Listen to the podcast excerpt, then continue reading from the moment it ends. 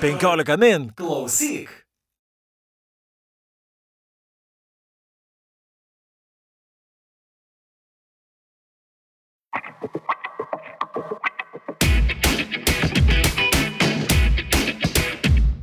Kaip startuoliai keičia pasaulį? Kokius produktus ir paslaugas kuria lietuviški startuoliai ir kaip jie susiję su globaliomis tendencijomis? Sveiki, aš esu Lukas Kraitis ir čia laida Technotronika, kurioje kalbinu lietuviškus startuolius. Šiandien pokalbėje startuolis Car Vertical. Car Vertical, dar kartelį, Car Vertical. Siekiantis kiekvienam automobilių pirkėjui visame pasaulyje pasiūlyti autentišką, nesuklastotą informaciją apie konkrečią trans transporto priemonę ir palengvinti mašinos priežiūrą ją įsigijus. Arba paprasčiau pasakius, įvedi automobilio duomenis ir sužinai, ar jis buvo daužtas, ar rida kažkurio metu nesumažėjo ir panašiai. Car Vertical veikia 18 Europos ir Šiaurės Amerikos valstybių, viskas paremta blokų grandinės technologija ir beje, Car Vertical prieš keliarius metus nuskambėjo padariusi ICO, tai yra Initial, Initial Coin Offering, kuomet pritraukė beveik 20 milijonų dolerių. Apie Car Vertical, apie duomenis, jų surinkimą šiandien pasikalbėsime su inovacijų vadovu Arnoldu Vasiliausku iš Car Vertical. Car Vertical. Labas, Arnoldai. Sveiki. Ar teisingai pasakiau, pasakiau 18 Europos ir Šiaurės Amerikos valstybių, pagalvojau, kad tikriausiai per tą laiką galėjo pasikeisti, nepamelavau. E, jeigu jau visai atvirai, tai šiandien mes taip patiliukais pasileidom Vokietiją. E, tiesą sakant, dar net savo kolegų neinformavau, kad Vokietija jau, e, jau gyva eteryje ir ten galima kažką padaryti. Tai manau, kad po šio, po, po šio pokalbio jau Vokietija taps oficiali ir bus o, 19 šalių. Geras, tam tikra premjera. Tai sveikinam kolegus, kurie, Ačiū. kurie iš, per mūsų žinos, per mūsų pirmąjį šaltinį. Dar pakalbėkim šiek tiek apie skaičius. Kiek patikrinimų tu automobilių patikrinimų jūsų platformoje įvyksta kasdieną? Tikslaus skaičiaus nepasakysiu, pasakysiu tai, kad mes augam vidutiniškai 30 procentų kiekvieną mėnesį. E, tai natūraliai tas tempas truputį tikriausiai sulėtės, nes, e, nes šalių vis mažėja ir pačios šalis mažėja ir jos lieka tos, kurios mums mažiau patrauklios. Bet kol kas tempai dideli, tai vos spėjom suktis. Mhm. Aš iš kur radau skaičių, kad 20 e, tūkstančių tokių patikrų. Čia teisinga ar ne? E, jau jisai, man atrodo, pasenęs tas skaičius, e, bet jo, tiek tai tikrai. Bet visai nemažai. Gerai, ir aš trumpai apibūdinau, kaip aš suprantu, kas yra Car Vertical. Tai yra, na, platforma, nueini, patikrini automobilio duomenis ir sužinai įvairią informaciją apie jį, kaip pats apibūdintum, kokią problemą sprendžia Car Vertical startuolis. Kas yra per problema? Tai viską labai teisingai ir pasakėjai, mes kažkaip e, e, esame linkę pačių vartotojų giliau ir, ir negrūsti ir nesigilinti. Iš esmės, kažkas ruošiasi pirkti naudotą automobilį, nori sužinoti, ar rida tikra ar netikra, ar daužtas ar nedaužtas. Tai tokia ta problema pagrindinė ir yra. E, toliau mes jau lendam ir gilinamės, kur tas, kokiuose šalyse tas automobilis galėjo būti eksploatuojamas, e, kokios techninės charakteristikos, ar jos spalva perdažyta ar neperdažyta. Čia jau mūsų reikalai, kurių yra daug ir jie yra nesibaigiantys, bet e, taip, pagrindinė problema yra sužinoti būsį istoriją tam, kad e, galėtum kuo tiksliau tą automobilį vertinti. Aha, tai dar tikrai pasikalbėsim, kaip jūs surinkat tos duomenys, bet mhm. ar žinot, ar dažnai tie automobiliai, kuriuos patikrina jūsų vartotojai, na, ar dažnai būna ta rida prasukta? Ar yra kažkoks procentas, kiek tų automobilių iš tikrųjų atvyksta į Lietuvą ir iš tikrųjų jie atvyksta su prasuktais, prasukta rida maždaug? E, oficiali statistika yra, kad kas trečias automobilis. E, Auč. Jo, tai čia oficiali, apie kurią kalba ir, ir, ir ES pareigūnai, ir, ir kai kažkam reikia įvardinti tą skaičių, tai jisai dažniausiai būna toks. E, iš tikrųjų mes jaučiam, kad yra tas skaičius didesnis, tikriausiai bent kas antras automobilis. Lietuva nieko nėra išskirtinė, tai vyksta visoje Europoje, ypač rytinėje Europos dalyje. Ir pagal tai, ką mes matome, tai Rumunija yra lyderė šitoje srityje, nepralenkiama. Ten, na nežinau, bent jau aš, kai, kai, kai bandau pereiti per ataskaitas, kurias tiesiog rankiniu būdu pasižiūrėti ataskaitas, kurias nusipirka mūsų klientai, na tai kokie 60-70 procentų yra su daugiau ar mažiau koreguota rida. Mhm. O, bet kaip suprantu, dažniausiai yra koreguojama rida naujų automobilių, ar ne? Ne senų. Daugiausiai tai yra su naujais e, automobiliais daroma. Rida. Amžius netiek svarbu. Svarbu yra, rida koreguojama beveik visuomet tuomet, kai automobilis e, palieka vieną šalį ir keliauja į kitą. Nes tarkim, kiekvienoje šalyje kad ir kažkokia primityvi, bet patikra vyksta. Tam, tarkim, Lietuvoje techninės apžiūros metu užfiksuojama rida, kitose šalyse yra kiti principai, kaip ta rida fiksuojama ir tai reiškia, kad kol automobilis toje šalyje, tai um, kaip čia pasakyti, nelabai ne pavyks apgauti pirkėją, nes jis lengvai galės pasitikrinti. Tuo tarpu vieningos europinės ar pasaulinės sistemos nėra. Tai reiškia, kad kai automobilis palieka vieną šalį ir važiuoja kitą, tai ten yra ta pilka zona, kur galima tą padaryti. tai vos... Kirzamas tik... pasienyje pameta 100 tūkstančių kilometrų. Ja, matyt važiuoja atbulinė įga, kol nuvažiuoja į Rumuniją, tai tada būna gerokai sumažėjęs. Tai, tai va, tai amžius netiek svarbu, svarbu, kad jisai keliauja iš vienos šalies į kitą ir ten jau atsiranda rizikos faktorius. Mhm. Sužinokim šiek tiek daugiau apie Car, Vertic, Car Vertical. Tai jūsų yra jau 19 šalių nuo šiandien jūs veikiate. Kiek žmonių dirba pas jūs? Kokie, kokios yra jūsų pajamos, jei nepaslaptis? Ar jau uždirbate pelno? Žmonių mes turime beveik 40. Lietuvoje ar ir kitur? Didžioji dalis Lietuvoje, turime taip pat darbuotojų Lenkijoje, Olandijoje, Amerikoje ir, ir Azijoje turime kelis uh, žmonės. Tai, tai apie žmonės tiek, pajamos, kaip ir minėjau, didėja apie 30 procentų kiekvieną mėnesį. Ir žiūrėdamas į tuos skaičius, kuriuos aš matau dabar, manau, kad, kad mes ant, ant tai vadinamo nulio ribos. Tai Tai mes tuo džiaugiamės, nes, e, nes toks ir tikslas buvo nuo, nuo veiklos pradžios per, per metus, per pusantrų metų pasiekti nulį ir toliau veikti pelningai. Nes ta veiklos pradžia taip pat, e, kiek čia metų atgal? E, nedaug. 2, 3, 4. 17 metų pabaigoje už, užsimesgė pati idėja, ir, ir kuri vėliau per, peraugo į, į lėšų reikalingų veiklai vystyti rinkimą ir paties produktų kūrimą. Su visais tais reikalais užtrukome apie metus ir 18 metų pabaigoje pasileidom produktą, kuomet mm. realiai prasidėjo ta veikla, kurią dabar darom. Tai čia tikrai nėra ko kuklintis visai neblogai. 19 šalių per beveik 3 maždaug metus tiek žmonių išaukti į tokią komandą. Uh, tikriausiai buvo ką veikti visai, ne? Jo, buvo ką veikti ir bent jau šalių, šalių atžvilgių mes, aš įtariu, kad mes tapom didžiausią tokio pobūdžio kompaniją pasaulyje. Oho, Gerai, dabar įdomioji dalis yra, kaip jūs gaunate ir surinkat tuos duomenis apie automobilius, per kokius galus juos randate ir ar tiesa, kad naudojate taip pat, pavyzdžiui, ir Interpolo duomenis? Man irgi čia yra įdomioji dalis. Nes... Tas Interpolas tai mane suintrigavo tikrai, kaip čia tokie duomenys yra pasiekiami. Netiesiogiai Interpolas, nes Interpolas turi savo savo supratimą apie duomenis ir, ir, ir jų saugumą, tai mes, mes esame linkę visgi tikrinti, na, tarkim, šiuo atveju automobilio voktumo ir nevoktumo kiekvienoje šalyje atskirai. Na, technologiškai mums taip tiesiog yra paprasčiau ir, ir duomenys lengviau prieinami. E, kalbant apskritai apie visus kitus duomenys, tai kaip, kad ir kokie duomenys ar skaičiai būtų nuobodus, visgi čia yra kūrybinė šito proceso dalis, nes nežinau, mes čia sėdėdami ir gurkšnodami vandenį, tarkim, jeigu sugalvotume, kad e, būtų visai neblogai duomenys gauti, tarkim, iš e, Kauno turgaus. Mhm. Ir tai būtų gera idėja. Ok, mes dar toliau gertume vandenį ir spręstume, kad visai neblogai būtų duomenys gauti iš, um, nežinau, kokio nors aukciono. Ir tai būtų gera idėja. Mhm. Esmė tokia, kad verslas yra pakankamai nišinis ir taisyklių jame nėra. E, jeigu tu, tau šauna į galvą, kad visgi ten gali būti kažkokie, kažkurioje vietoje padėti vertingi duomenys, tai tikriausia tai taip ir yra. Tai taip svaigdami ir, ir svajodami mes, mes nuėjome iki to, kad, kad dalį duomenų mes gauname iš pačių automobilių. Aha, kaip, kaip tai atrodo mm, duomenų gavimas iš automobilių? Čia iš, iš maniųjų, iš naujausių automobilių galima tai gauti tiesiogiai, kaip tai atrodo? Mm, esmė tokia, kad, kad didžioji dalis bent kiek brangesnių automobilių šiais laikais gali siūsti duomenis. E, tai e, savo, e, nežinau, savo eksploatacijos savybės, greitį, akceleraciją, nežinau, daug, daugelį parametrų gali siūsti ir dažnai tą ir daro. Mhm. Ir siunčia tiesiai į car vertical, kaip suprantu. ne, ne visai tiesiai norėčiau, kad tai būtų tiesiai, bet tiesiog, na šiuo atveju aš, mes kalbame apie BMW, tai BMW vis visi automobiliai, jeigu neklystų, yra taip vadinami pajungti ar connected nuo 2016 metų.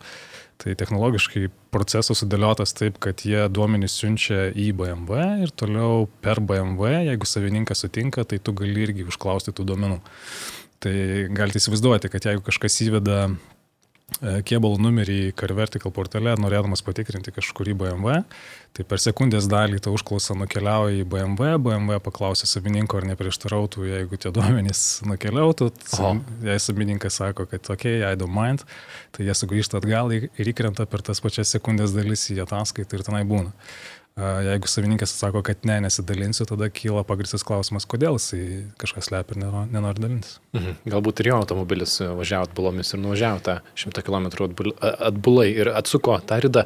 O tai visgi sunkioji dalis yra surinkti tuos duomenis, ar juos kažkaip apjungti visą tą sistemą, na, kad jie būtų naudingi. Ar reikia giliai kasti ir daug durų pabelsti, kad gautum, na, nežinau, informaciją apie ridą Junktinėse Amerikos valstijose. Labai skiriasi netgi ta pati Europa, kuri yra viena vertus lik ir vieninga, kita vertus duomenų prasme tai visiškai skirtinga. Tarkim, Skandinavija yra labai liberali ir kai kuriuose šalyse tiesiog ieškodamas informacijos apie automobilį gali rasti net jo savininko adresą, kuris gyvena. Tai kokioje nors Vokietijoje tai toks požiūris būtų nesuprantamas ir ten apskritai net automobilių komplektacija yra laikoma na, ne tai, kad paslaptimi, bet labai griežtai saugomais asmens duomenimis. Tai situacija skirtinga, vienur duomenys prieinami lengviau, kitur su, sudėtingiau, bet aišku, kur jie prieinami sudėtingiau, ten jie vertingesni. Aha, ir kokius duomenys prieiti pasiekti jums sunkiausia arba prie ko labiausiai ilgiausiai teko vargti? Um, Tikriausiai avarijos, nes avarijos, avarijos, avarijos yra tas dalykas, kuris žmonės labiausiai domina ir, um, ir surinkti tai yra gana sunku. Mm. Ir kokią informaciją pateikėt savo ataskaitose, ką gali matyti tas vartotojas? Mes minėjom ridą, ar tas automobilis buvo patekęs į kokį nors eismo įvykį, ar um, yra daugiau informacijos apie patį eismo įvykį, kas nutiko jo metu, nes na, gali būti mažas stuktelėjimas, gali būti ir kažkas uh, esminio. Aha, čia truputį grįšiu prie antrosios prieš tai buvusio klausimo dalies, kaip tos, ar nėra sunku tos duomenys apdoroti. Tai čia labai nesigilinant į detalės, iš tikrųjų ten yra galvos skausmas, nes vieni duomenys atkeliauja iš Junktinių valstijų su savo, savom terminologijom ir įvertinimais ir, ir panašiai. Kiti atkeliauja iš, iš Europos, kuri vėlgi, kaip ir minėjau, yra gana suskaldžiusi. Ir norint visą tą gražiai išdėlioti mūsų, mūsų ataskaitos lentynėlėse, kad, kad viskas būtų suprantama, iš tikrųjų yra iššūkis. Tai. Uh... Ir tikriausiai iššūkis yra tą ataskaitą automatizuoti, ar ne? Na, kad ten ne 30 praktikantų nešiotų popieriaus lapus po, po biurą ir bandytų suvesti galų, galus, ar ne, bet kad tai vyktų, na, automatiškai uh, ta apskaita visa. Taip, taip, čia labai nesigilinant, tai dalis duomenų yra gaunama realiu laiku. Tai tarkim, dažniausiai tai taikoma kažkokiem registram, kurie uh, kurie yra mažiau paslankus tiesiog duo, dalinti šiaip duomenimis, kita dalis yra pas, pas mus vietoje, tai jo, visą tą reikia su, suvadybinti kažkam greitai mhm. per akimirkas. Mhm. Ir klausiu, kokią informaciją pateikėt savo ataskaitose, ką gali matyti tas vartotojas? Tai be minėtų rydų avarijų prie avarijomis, jeigu tik turime, tai pateikime daugiau informacijos, pavyzdžiui, kiek, kiek galėjo kainuoti remontas apytiksliai kurioje šalyje tai vyko, datą. Kitose dalyse mes pateikėm šalis, kuriuose esame užfiksavę, užfiksavę automobilį. Užfiksavę tai reiškia eksploatuojama, ar jisai buvo registruotas, ar atlikta techninė apžiūra. Tai tai svarbu tuo met, kai pardavėjas tikina, kad automobilis yra atvarytas iš, iš Vokietijos, kad su juo važinėjo senukas savaitgalis ir panašiai. Ir kai tu pasižiūrė, kad realiai automobilis buvo eksploatuojamas na, Lenkijoje ir, ir Rumunijoje, hmm. tada tau gali kilti pagristų klausimų, kodėl čia viskas taip. Hmm. Um, naujausioje ataskaitos versijoje mes taip pat pateikėm automobilio vertinimą tai jeigu tu automobilį, jeigu tai yra tavo automobilis ir ketini parduoti, tai gali orientuotis, už, kiek jį gali pardavinėti. Jeigu tą automobilį ketini pirkti, tai gali maždaug įsivaizduoti, kiek jis vertas, už kiek, už kiek galima mokėti. Mhm. Ir kaip suprantu, ta paslauga jūsų dažniausiai naudojasi tie žmonės, kurie, na jau yra aš taip įsivaizduoju, beveik apsisprendę pirkti automobilį ir dėl viso ko pasitikrina jį, ar kas daugiausiai yra jūsų naudotojai? Aš irgi taip galvoju, pasirodo, kad ne. Aha. Pasirodo, tokių, tokių yra trečdalis, kitas trečdalis yra tie, kurie jau ką tik nusipirko automobilį ir tiesiog jiems malsu, ką, ką jie nusipirko. Lygiai... Bet keist, keistas tikriausiai pasirinkimas, patikrinti po nusipirkimo. Man irgi. Man ir keistas, bet nesakau, kad ir aš galbūt kai kuriais gyvenimo atvejais taip nesielgčiau. Tikriausiai kartais ne- nedrasu gal kažkaip taip atrodo, gal, gal jautiesi įžulus, čia netiki žmogumi, kad tau sako apie tą būti, gali būti. Ir likęs trečdalis mes juokavom, kad yra tie perikupai, kurie nori pažiūrėti, iki kiek gali atsukti rydą. Mm. Tai yra kokia mums paskutinė žinoma ryda. Mm, tai ir jie naudojasi šitą, kad galėtų padaryti šiek tiek pa, pa, pagelbėti. E, Aš, jeigu teisingai suprantu, tai kainuoja, ta paslauga kainuoja vienkartinė 15 eurų. E, Daug Taip. tai ar mažai, e, jūsų nuomonė, šią akimirką? Branginsit, piginsit kaip? Ne, jokių, jokių konkrečių planų neturim.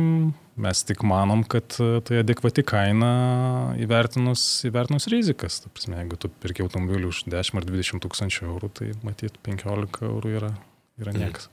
Ir prieš jungiant mikrofonus mes taip trumpai šnektelėjom ir pats pasakėjai, kad, na, e, nekukliai esat vienintelė įmonė, kuri tuo užseimat, kuri tai darot, apjungdama dar tam, berots, e, blockchain technologiją, tikriausiai be jūsų, be kitų niekas nenaudoja.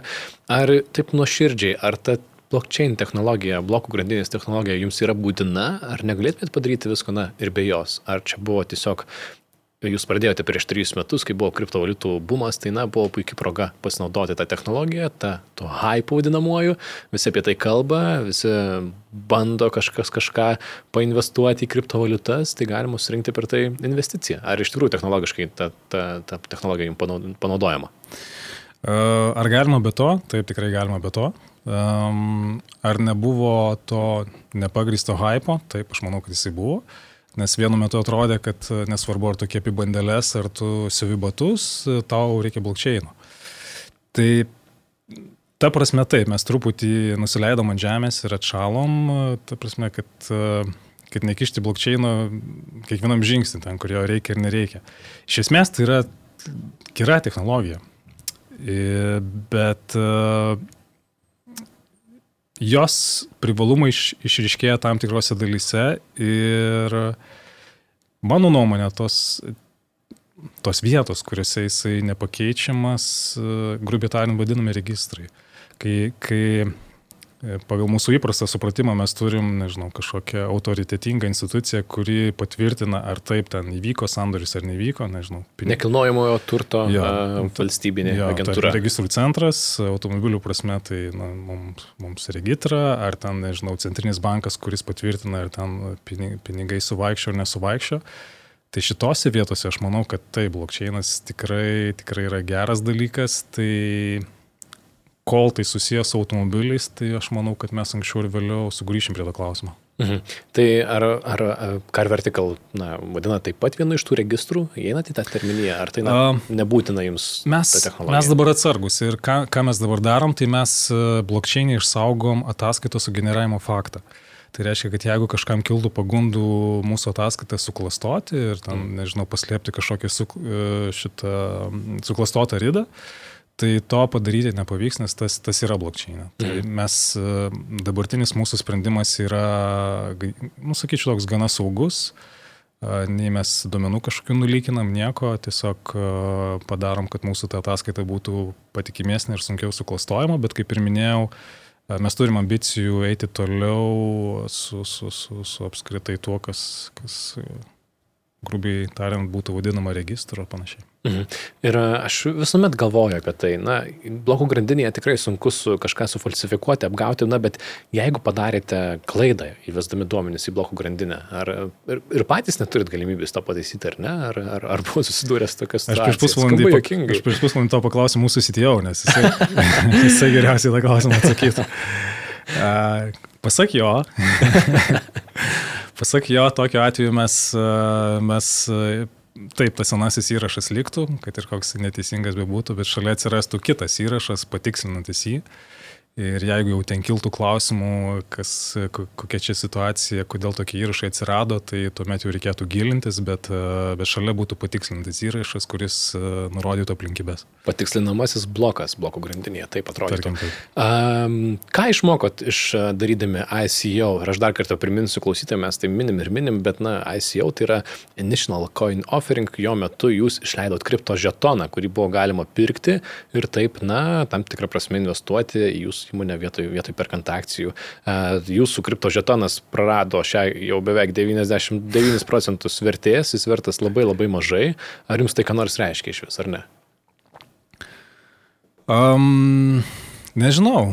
Nežinau, gal kalbant apie, apie pamokas, tai vienu paminėjau, kad, kad nereikia blokčiaino grūsti ten, kur, kur nereikia. Tai viena pamoka, kita pamoka, kad uh, kripto rinka yra nereguliuojama rinka. Ir jeigu teoriškai mes sakom, kad per ICO mes surinkome apie 20, tūks, atsiprašau, 20 milijonų dolerių, tai Tai tai, kas sekė mūsų kelią, tai matė, kad tą pačią pirmąją naktį, vos tik mes uždarėme finansavimo raundą, mes praradom kokį 30 procentų visų lėšų. Tai... Sunku įsiųsti pranešimą spaudai, nes e, ta suma tokia visai neaiški, kai ta rinka tokia jo, bėgiojanti. Ir, jo, ir jeigu tu, tarkim, lėšų surinkimo metu deklaruoji savo planus, e, ką tu padarysi už 20 milijonų, Ir kitą dieną iš tų 20 visiškai teorinių lieka ten kokie 14, vėlgi teorinių. Ir, ir tau visi rodo pirštų ir prikaišioja tavo pažadus, kurie tai prieš 20 ir tu turi juos įgyvendinti su 30 procentų mažiau pinigų, bet tada jau niekam neįdomu. Tai, nu, čia tokios gyvenimo pamokos, kurios, mhm. jo, kur negali prognozuoti ir kurios įvyksta galbūt vieną kartą gyvenime. Mhm. Ir išleidžiant savo žetoną, jūs taip pat žadėjote, kaip ir dauguma kriptovaliutas, kas daro, ICO kas daro, žada, na, kad ta, už tą žetoną bus galima kažką pirkti, mainyti, tai jūsų atveju, įsivaizduoju, būtų galima už tos žetonus nusipirkti a, jūsų paslaugą, tai yra automobilio patikrinimą. Ar tai realiai veikia šią akimirką, ar, ar tai ateityje veiks, ar tai na, buvo tokia pirminė idėja, kurio galbūt ne, neišsivysti toliau. Ne, čia buvo principinė, principinis dalykas ir tai veikia nuo pat pirmos dienos ir dabar, jeigu užeisite į Carvertical, tai atsiskaitimo žingsnį jūs galite pasirinkti atsiskaitimą kriptovaliutą. Mm. Ir tai netgi jums kainuos 30 procentų mažiau, nei kad mokėtumėt pinigais. A, pagaliau logika kripto, kripto rinkoje, nes daug įmonių tai padaro, pažadus kažkokius su tais, ką galės daryti su tais žetonais ir paskui matai, kad tokios funkcijos net, net nėra. Ir uh, man buvo įdomu paskaityti, kad kažkur parašyta, kad jūsų Car Vertical tikslas, tikslas yra tapti globalia duomenų sistema. Kaip tai galėtų atrodyti ir kas yra ta globali duomenų sistema? Man pirma mintis į galvą šauna tai Google. Ar tokio, tokio dydžio jūsų ambicijos? Nežinau ar tokio, o grįžtant prie sistemos, na, mes tai vadinam duomenų ekosistema. Ir mes, kaip čia trumpiau pasakius,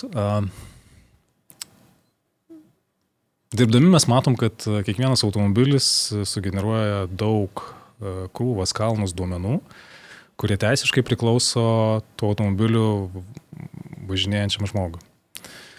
Dabar yra taip, kad žmogus e, ne tik, kad e, dažnai nežino apie tų duomenų egzistavimą, bet jis netgi praleidžia progą, na, sakyčiau, ar uždirbti, ar pasipelnyti iš tų duomenų. Ir tą puikiai padaro kiti.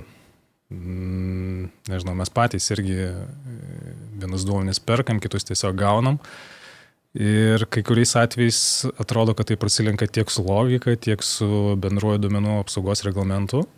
Mes įsivaizduojam, kad, na, labai grubiai tariant, kiekvienas žmogus turėtų savo duomenų krepšelį, kuris jam priklauso ir jisai tuos duomenys galėtų naudoti, kaip, kaip jam, kaip jam mhm. patinka. Mhm. Tai reiškia, kad jo, kad jeigu jūs pardavinėjate automobilį, mes, mes kaip Carvertical kreipiamės į visas instancijas, kur galėtų būti jūsų automobilio duomenys. Mhm su jūsų žinia ir jūsų leidimu mes tuos duomenys paimam ir iš jų susigeneruoja ataskaita. Ir tarkim, jeigu automobilis jūsų tvarkingas, gerai prižiūrėtas ir tai suteikia jums šansą tą automobilį parduoti lengviau ir greičiau už didesnę kainą, tai va jums ir nauda.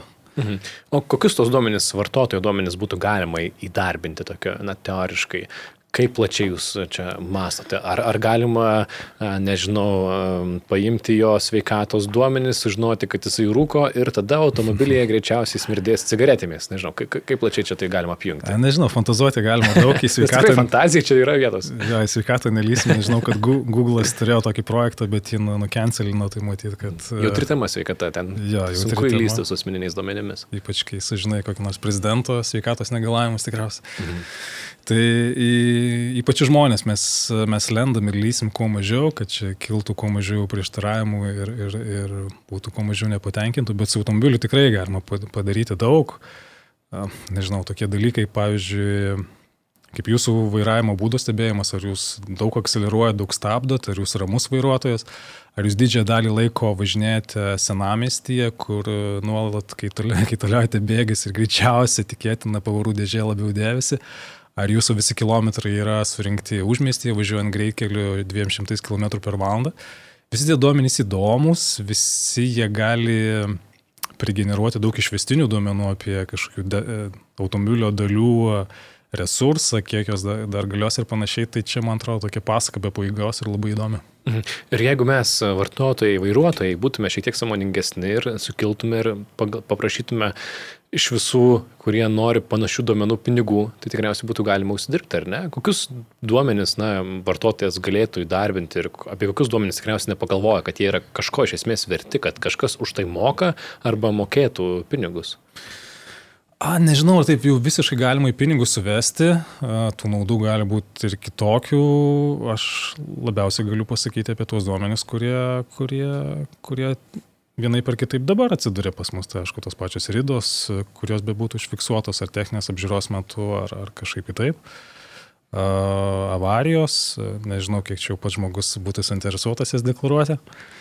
Um, Na, bet pats, pavyzdžiui, bėgių permetimas, ar, ar dažnai mm. žmogus mėto bėgius, tai uh, kaip jisai tą informaciją jums perduotų? Reikėtų na, iš, kom, iš automobilio kompiuterio, tai yra nuskaitomi duomenys, nejaugi jūs filmuotumėte tą pavarų dėžės mėtymą, kaip tai atrodo? Kiekvieno, kiekvieno pavaros perengimo mes tikrai neišfiksuosim, bet taip, techniškai tai turėtų vykti per, per, per patį automobilį, kaip minėjau, jeigu mano minėtas pavyzdys su BMW. BMW renka visus duomenis e, savo sistemos iš kiekvieno, turi techninę galimybę rinkti. Tai taip, visų pirma, tai e, automobilis siunčia kažkur tai, greičiausiai siūs gamintojai, nes gamintojai šiuo atveju turi geresnę poziciją, nes automobilis iš esmės yra pagamintas pas juos ir techniškai jie gali tą padaryti. Bet kaip duomenų savininkas, nes teisiškai vairuotojas yra duomenų savininkas, tai matyt, e, žmogus turi teisę ar paprašyti pasimti ar paprašyti kažkam perduoti tos duomenis. Tai mes, aišku, kaip dirbdami toj srity, tai praktiškai visais to, tokio tipo duomenimis būtume suinteresuoti. Mhm. Ir kokiais, na, kokie duomenys jums, Car Vertical, būtų, na, aukso puodas? Apie ką svajojat prieš užmigdami, kokius duomenys turėtumėte atverti, kurie, na, jums darbe būtų, na, jums labai būtų naudingi ir naudingi būtų jūsų vartotojams? Aš manau, kad, kad e, mes mūsų ataskaitose jau galima rasti visus duomenys. Tai vienintelis klausimas e, - rinkų padengiamumas. Jeigu mes vienose rinkose jaučiamės 50-50, e, tokie pusiau, pusiau geri, tai, tai norėtume, kad, kad 100 procentų jaustumės užtikrinti. Tai yra tokio, tokio paties tipo duomenų, kaip kad mes turime, turėtume daugiau. Mhm. Ir šią akimirką, na, aš pats nustembu, kai išgirstu, kad e, automobilis renka duomenys apie pavarų dėžės permetimą ir gali juos sistemizuoti ir nusiųsti, bet ateityje tų duomenų rinkėjų įtaisų, kurie renka ir perdoda duomenys, tikrai daugės e, eksponentiškai, jų dabar daugėja. Ir Kaip pats manai, ar visgi duomenys vis dar, ar tinka tas pasakymas, kad duomenys yra nauj, naujieji degalai, oil, uh, data is the new oil, ar iš tikrųjų ten yra na, tiek daug galimybių paslėptų ir, ir tuo pačiu ir pinigų paslėptų, ar, ar tai kartais per, perdedama? A, nežinau, žiūrėdamas į Arabijos pusęsalį, aš matau, kad jie važinėja su Koenigsegais, Ferraris ir Lamborghinis, tai aš tokiais automobiliais nevažinėju, Aha. bet ar tai reiškia, kad duomenys nėra nafta? A, nežinau, pažiūrėsim. Mes dar, man atrodo, pačioj kelionės pradžioj. Tai dar, dar visko bus, sukūrėm daug teisinių precedentų, techninių precedentų, kur, kur esame pirmieji gyveninę kažkokius sprendimus, pradedant tais duomenų, duomenų gavimu tiesiai iš automobilių. Tai viskas dar prieš akis, dabar pasakyti anksti, kelionė įdomi, verslas įdomus, kaip gausis pamatysim. Mhm. Atsargiai, žodžiu, vertinat ateitį ar ne, bet, na, bet visgi e, visokie išmanus laikrodžiai, e, siustuvai ant rankų, čia vėlgi sveikatos duomenys, bet yra pačios, patys automobiliai, Tesla, kiek duomenų taip pat prigamina. Tai kaipgi atrodys ta ateitis, ar nesinori kartais pafantazuoti, kaip jinai galėtų atrodyti, kai visi gaminsim daug duomenų, dalinsimės daug duomenų, ar negazina, kad na, tie duomenys gali būti panaudojami kažkokiais blogais tikslais, kai pačiam tenka susidurti su to duomenų perdavimu, gavimu. Tos duomenys suprantu, kaip vienur gauti lengva, kaip ir pats minėjai, vienur tuos įstatymus tik ir vaikštai, na, plika jų riba, neaišku, kur kas yra, tai kaipgi visgi bus kaip mes gyvensim pasaulyje, kuriame duomenys mūsų vaikščios ne tik laisviau, bet jų bus daug daugiau? Um, klausimas toks mistinis ir truputį gazinantis, bet iš tikrųjų aš tai manau, kad, kad kaip tik ateitis šviesi ir skaidri. Nes uh, dabar yra kaip tik ne, ne visai sveika situacija, kai, kai, kai kuriais atvejais netgi teisės aktai yra truputį labiau um, kažkokio įsivaizduojamo klastotojo pusėje, kai tu nori sužinoti automobilių istoriją ir tau, tu turi nueiti kryžiaus kelius, kad, kad tą padarytum. Nu, tai pripažinė nesąmonė. Tai aš manau, kad kaip tik šitoje vietoje reikalai pagerės. Ir baiminti čia nėra ko, nes bent jau mūsų atveju mes labai aiškiai atskiriam žmogaus duomenys nuo, nuo, nuo automobilio duomenų, tai, tai uh, skaidrumo padaugės ir, ir jo, gal pasunkės gyvenimas tiems, kurie nenori to skaidrumo, bet iš esmės, jeigu kiekvienas automobilis bus su, su savo istorija, kokia jinai bebūtų, tai. Ateitis bus tai geresnė. Man atrodo, pasilengvinsit savo labai gyvenimą, jeigu nelysite į, į duomenys susijusius su sveikata, nes kol kas, kas ten lenda, tas ten nudega. Bet e, kalbant, na, ne tik apie automobilius, bet apskritai apie duomenys, e, kaip pats manai, kokiose srityse mes, na, jūs dirbate automob su automobiliais, bet kokiose kitose srityse tie duomenys galėtų, na, būti atviresni ir iš to mes visi galėtume gauti naudos, kokiose kitose gyvenimo srityse mes paminėjom be abejo sveikatos duomenys, kurie yra jautrus ir ten viskas šiek tiek jautru. Kokios kitos rytis galėtų būti potencialios? Na, žinau, aš stebėjau vieną kitą iniciatyvą nekilnojamo turto srityje, kur, kur naudojami tie open data, atviri duomenys. Vilnius taip pat juda tą kryptimį šiek tiek. Ja, daromos kažkokios išvados apie ten koks nusikalstamumas tame rajone, kokia ten būsto vertė ir taip toliau. Tai tuos eksperimentus uh, mačiau, manau, kad viskas į gerą. Uh, Mes šiek tiek bendravome su, su buvusia ūkio ministerija, su ekonomikos ir inovacijų. Tai kiek žinau, jie irgi labai nori kuo daugiau duomenų padaryti atvirais ir vėliau, kad, kad jau naudodamisi tais atvirais duomenimis, verslas su jais žaistų, kurtų aplikacijas ar kažkokius įrankius. Tai manau labai teisinga kryptis ir kitos šalis irgi tą daro. Dabar mes rimtai užsiemė su Ukraina, tai rytų kaiminė atrodo, kad galbūt kai kuriuose srityse galėtų būti atsilikusi, bet žiūriu, kad jie irgi visai daug turi open data duomenų, kur, aha, kur irgi um, verslas tiesiog ima, ar ten kažkokią paprastą aplikaciją padaro, kuri, kuri žmogui teikia realią vertę, ar, ar ten kažkur integruoja kokią svetainę. Tai, Tai, tai bet va. E, įdomus tas skirtumas, na, kad Ukrainos atveju taip, ten yra daug atvirų duomenų, bet Ukraina taip pat gauna ir nemažai kritikos, kad ten, na, tie duomenų atvirimai, žmonių duomenys, ne viskas vyksta pagal įstatymus arba tų įstatymų nėra pakankamai, pakankamai gerų.